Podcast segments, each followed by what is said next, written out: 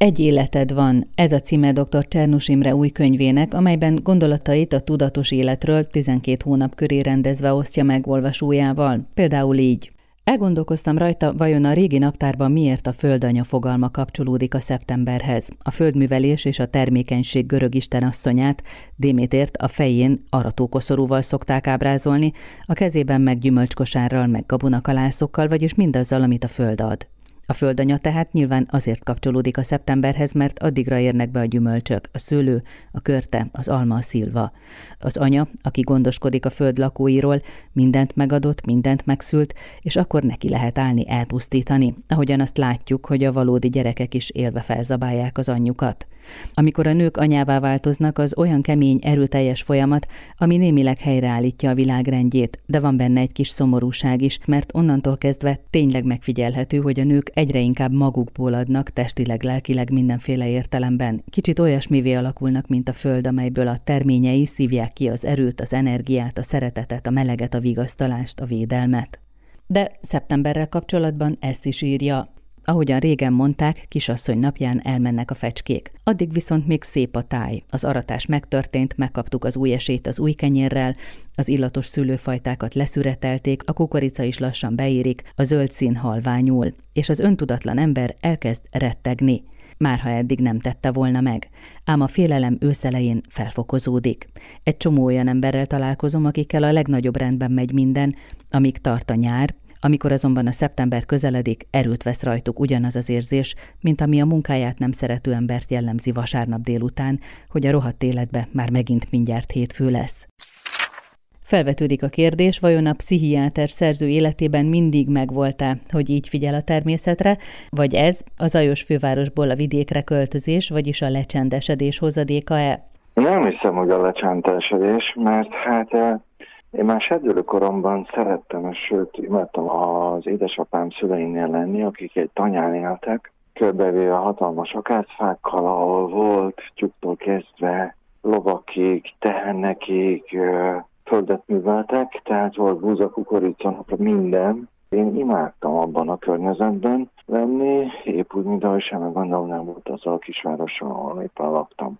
Nem hiszem, hogy a lecsendesedés nekem a már egy ideje kerestem azokat a megmérettetéseket, amelyekkel megújulhatok, és én úgy érzem, hogy ez számomra egy igazából testhez álló dolog, mint ahogy most is, ahogy itt vagyok Moszolyon, és az egyik szilvafa, idős szilvafa volt, egyik ága elkorhat, és akkor pont most tört le, és akkor ezt aprítottam fel éppen most.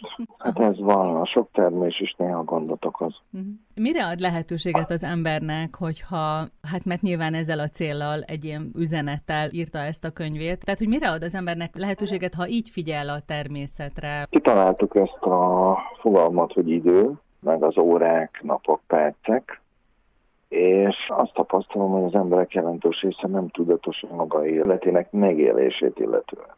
Hát csak úgy van. Januártól decemberig.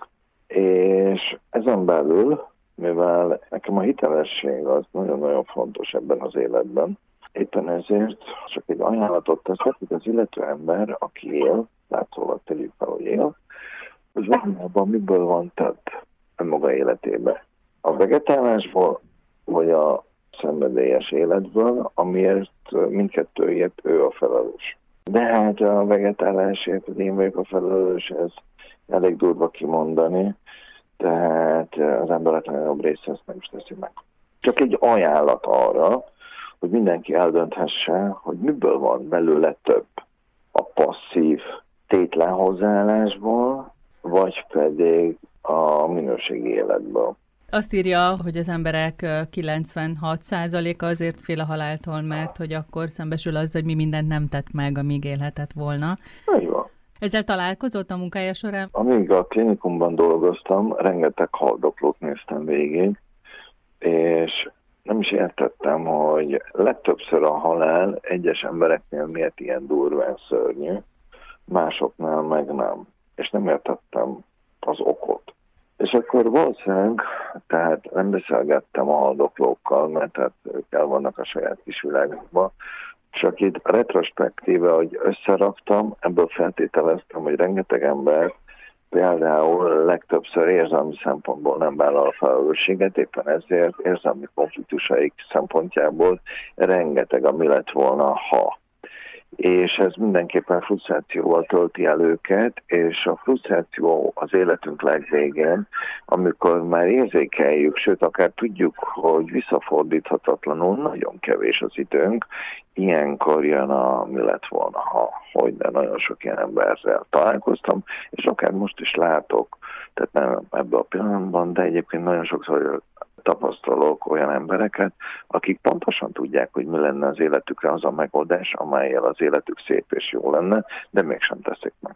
De erre van magyarázat? Ezt azért is kérdezem, mert itt sokszor esik a könyvében arról, hogy az ember legyen hű saját magához, és arról is, hogy nagyon sokan rá sem jönnek, hogy tulajdonképpen mi a feladatuk az életükben. Igazából én nem mondanám azt, hogy feladat, én az életet lehetőségnek gondolom, a feladat az olyan, mint hogy iskolában lennék, kötelező lenne elvégeznem, és akkor ki van pipálva a dolog. Nem, ez csak egy lehetőség arra, hogy én jól érezzem magam bőrömbe, vagy nem fogom jól érezni bőrömbe magam.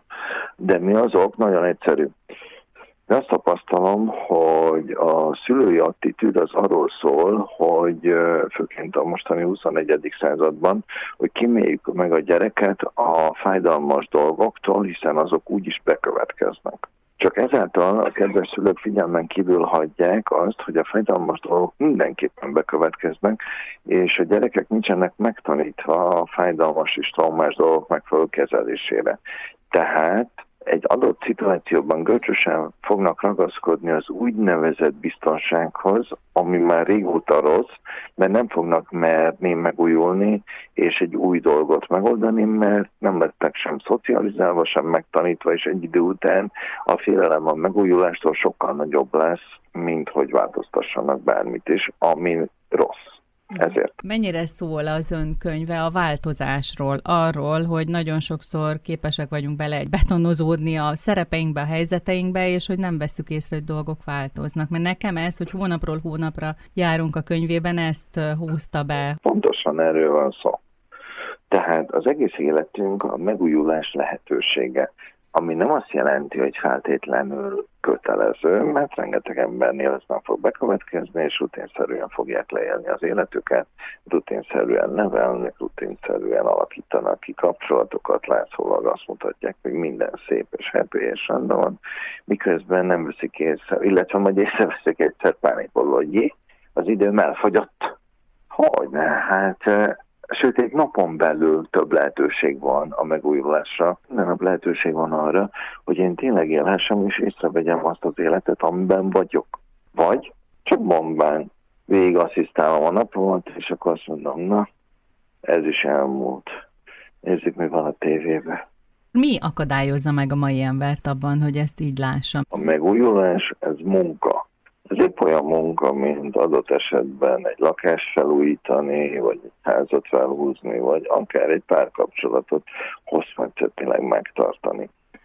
Tehát amíg, amikor fenyegetve érezzük magunkat egy munkahelyen, akkor megteszünk mindent, és bennem azt tette fel az érdeklődést, hogy ez a belső, nem is mondom fenyegetettségérzést, hanem hogy önmagamnak légy hű magadhoz, ez nálam ez úgy definiálódik, hogyha én felállítottam önmagam előtt fontos törvényeket, akkor azt én állítottam fel, azért én viszem el a balhét, és éppen ezért, mivel önmagamnak felelek, ezért mindent megteszek, hogy azt be is tartsam.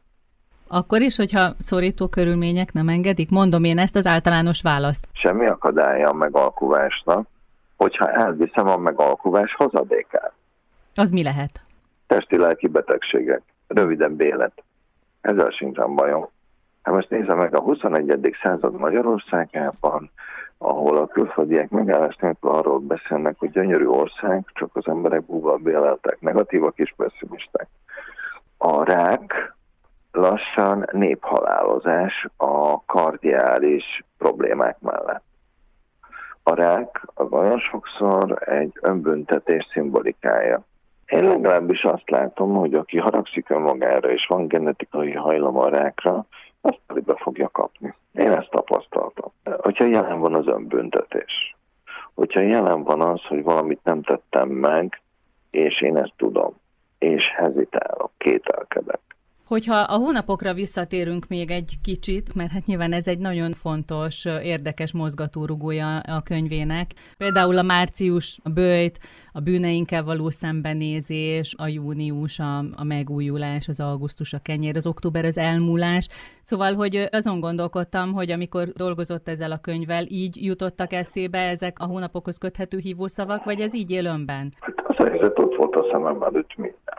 Az összes hónap a szimbolikája, és hát valójában nem nehéz arra gondolni, hogy ha például ott van akár most az augusztus, hát csak az nem látja, hogy itt van az új kenyér ünnepe, aki egész életét csak például a belvárosba tölti, az nem fog látni learatott mezőket. Hát így, le van aratva mező, akkor jön az új kenyér. És hát mivel 53 éves vagyok, nem volt nehéz újra meg újra felidézem, hogy mi is történik októberben vagy novemberben. Csak ez azt feltételezi, hogy önben ez folyamatosan ott van, hogy megáll, figyel, észrevesz. De hát én azt gondolom, hogy a tudatos szemléletmód az nem erről szól. Hát, hogy felismerjem és tudjam, hogy ebben a hónapban, hogy mi van. Hát, hogyha most, mint az állandó elégedetlenség, augusztusban vagy júliusban a kánikula. Találkoztam egy orvos barátommal, és azt mondja, hát most miért? Hát nyár van, nem? Ha nyáron meleg van. De és akik nem akarják elfogadni a nyarat a meleggel együtt, azok nem is élik meg a meleget, csak szidják a meleget, majd épp úgy szidni fogják a decembert a hideggel együtt. Hát erről szóljon az élet. Állandóan keresek a kákán és a csomót ahelyett, hogy élveznénk és élnénk a pillanatban. Olyan, amilyen, hogyha örömteli, akkor örömteli, hogyha síros, akkor síros. Ugye olyan sokszor esik róla, hogy mi mindent csinálhatnánk másként, de az ember a hétköznapjaiban nem tudja, hogy ez a tudatos lét, vagy megélni a pillanatot, azért ez egy nem egy olyan rettenetesen nehéz feladat. Önnél hogyan működik? Tehát reggel fölébred és? Reggel felébredek, és nagyon örülök, amikor lefőzöm a kávét, és elkezdem kortyolni például. Vagy most, hogy önnel beszélgetek, és tapasztalom a 35 fokot, és izzadok, mint a ló. és érzékelem az izzadságomat, és akkor mi van? Erről van szó, hogy, hogy ha leülök, és egy napsütötte helyre ültem, akkor érezni fogom a kőnek a melegét. Ezeket észrevenni és megérezni, akár beszélni róla. És az miért lesz jobb minőségű élet? Azért, mert hiteles marad az érzései kimondása és megélése terén. A hitelesség az azt jelenti, hogy ha érző ember vagyok, akkor érző lényként viselkedek abban a pillanatban. Vállalom ennek összes ódiumát. Vállalom ennek fájdalmát, és vállalom ennek örömét. Mert hogyha hozzáértem egy kájához, amiről nem feltételeztem, hogy az forró, és megsütöttem, azt mondom, hogy akkor egy hülye vagyok, hogy nem figyeltem oda, hogy ez forró. Nem a kájhát tudom különböző vulgári szavakkal, hanem azt mondom, hogy hát legközelebb tanulok belőle. Nemrég volt egy beszélgetésem erről egy másik interjúban, hogy az, hogyha az ember megéli a helyzeteket, vállalja, hogy igen, most sírok, igen, most nehéz, pláne ha beszél róla, hogy ez nem teszi el kiszolgáltatottá. Most, amikor ugye és a közösségi médiáról is szó van a könyvében, hogy mutatunk egy képet magunkról, aminek általában sok köze nincs a valósághoz. Hát persze, az egy látszat. Miért tenni magam kiszolgáltottá? Amikor én már egy ideje felismertem, hogy hát nem önmagamnak felelek, de. És hogyha én önmagam szemében nyugodtan bele tudok nézni, akkor jól vagyok. És hogyha a sírásomat adott esetben a környezetem másként apostrofálja, akkor, akkor mi van? Akkor se semmi. Hát, hogyha én önmagamnak vagyok hű, akkor én tudom, hogy én abban a pillanatban bátor voltam kimutatni akár a fájdalmamat, vagyis bátor voltam sírni. És hogyha ezt valaki elítéli, hát ítélje. Amiről ön beszél, az a megfelelési kényszer szimbolikája, az általában abból fakad, hogyha valaki önmaga fontos területein folyékonyan hazudik magának, hogy az rendben van, és ennek hozadékaként nem szereti magát, és ha nem szereti magát, éppen ezért kialakul a szeretetéssége, és elkezd megfelelni másoknak. Ami rendkívül elgondolkodtató a könyvében, és ez is egy nagyon fontos vonal, ahogyan átéljük azt a pillanatot, amikor a tükörben megpillant egy, egy duzzanatot, és hogy az mi lehet. Megérintettem, borotválkoztam, uh-huh. és éreztem borotvával, hogy fáj valami, és oda nyúltam. És akkor elkezdett az agyalás, hogy ez mi. Mert szokatlan volt az egész. De nem úgy nézett ki, mintha csak egy szőrtűsző duzzanat, és akkor elkezdtem utána járni, de ugye az az izgalmas, hogy egy pillanatig se éreztem a félelmet. De mire gondol akkor? Hát, hogy mi lehet a megoldás. És előbb fogalmazzuk meg, hogy mi az.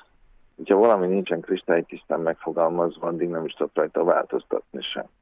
Ez ugyanolyan, mint amikor uh, mielőtt műtöttek volna, akkor az történt, hogy ilyenkor rutinszerűen hozzák a 0,5-ös nyugtatót, és akkor megkérdeztem, hogy most minek vegyem be, amikor nem sokára elaltatnak.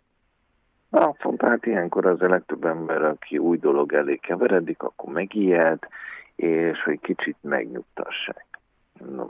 Én meg tudom azt, hogy a önbizalmat úgy lehet szerezni, hogyha tudatosan ugrok az új dolgokba, és én ezt már elég régóta használom. És akkor nem vettem be a nyugtatót, és akkor jött a tolókocsi. És akkor mondom, hogy most miért jutassanak be a tolókocsiba? Mert hogy elájulok megszédből. Mondom, hát de hogyha nem vettem be a nyugtatót, akkor jó a vérnyomásom. Jó lett a vérnyomásom, és akkor így szépen besétáltam a műtőmbe, lerúgtam a papucsot, és felfeküdtem a műtőasztalra. Még hülyeskedtem az altatóorvossal is. Önnek nyilván erőt ad az a sok tudás, ami mögötte van, nem? Hát igen, de ezt mind meg lehet tanulni. Ez nem ördöngösség, amiről én beszélek. Mi az, amit át kellett gondolnia, vagy úgy érezte, hogy át kell gondolni, amikor felfedezte ezt a kis jó indulatú daganatot? Én azt gondoltam át, hogy először is megnéztem a nyálmirigy, amikor kiderült ez a nyálmirigy, a nyálmirigy pszichoszomatikáját, hogy az valójában mire enged következtetni. Utána jött a következő lépés, hogy mivel kapcsolatosan milyen esetlegesen fel nem vállalt események vannak benne. Kivel szemben? És mivel ez aránylag egyszerű, mert hogyha valakivel szemben van egy felvállalatlan konfliktusom, az mindenképpen valamilyen érzést, frusztrációt vagy dühöt vált ki. És hogy ez meg van fogalmazva, akkor a következő lépés, hogy na, hát akkor kezdjük el megoldani. Kezdjük el kimondani abban az adott helyzetben, az adott emberrel szemben, amit érzek. És megtalálta? Hogy? Mert akkor januárban elkezdtem azt rendezni. Gyógyul az ember, hogyha rájön és tesz kísérletet? Abszolút, hát ez a daganat, ez annak a nagysága júniusig nem változott. Valójában preventíve vették ki, mert hát azért növekedhet az arcideget, azt vongálhatja, és hát 10%-ban rossz indulatúvá válhat, és hogyha ezt már megtaláltam, akkor most minek jegeljem. A gyógyuláshoz, hogyha már kialakult egy testi tünet, akkor két út van a gyógyulást illetően. Az egyik, amit az orvosok tudnak, a másik, amit az illető ember tud önmaga a lelkének a különböző gölcseinek a helyretétel által.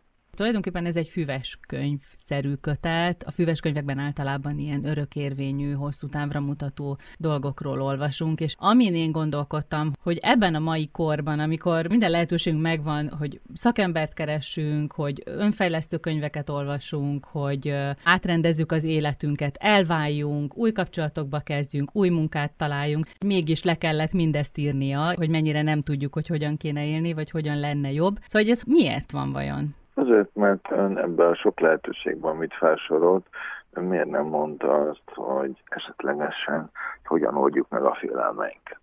Miért nem került felsorolásra? Hát az első lépés az mindig úgy néz ki, hogy kimondom azt, hogy én félek attól, hogy. És utána félek attól, hogy, és miért félek attól, hogy elhagynak mert akkor magányosnak érzem magam, és ha magányosnak érzem magam, akkor megjönnek a démonok, hogy úristen, akkor senki és semmi vagyok, akkor most én sajnálom magam. A picsába tényleg sajnálom magam. Hát akkor mi nem cselekszem azért, hogy én ön magam személyében szeretve legyek. Ezt hívják önbecsülésnek. Akkor rájövök arra, hogy félhetek, de döntetek úgy is, hogy beszélek a félelemről, és szembenézek azzal, amitől félek. A megoldások mindig nagyon egyszerűek. Dr. Csernus Imrével beszélgettünk új könyvéről, melynek címe Egy életed van. A kötetet, ahogyan a szerző korábbi könyveit is, a Jaffa kiadó jelentette meg.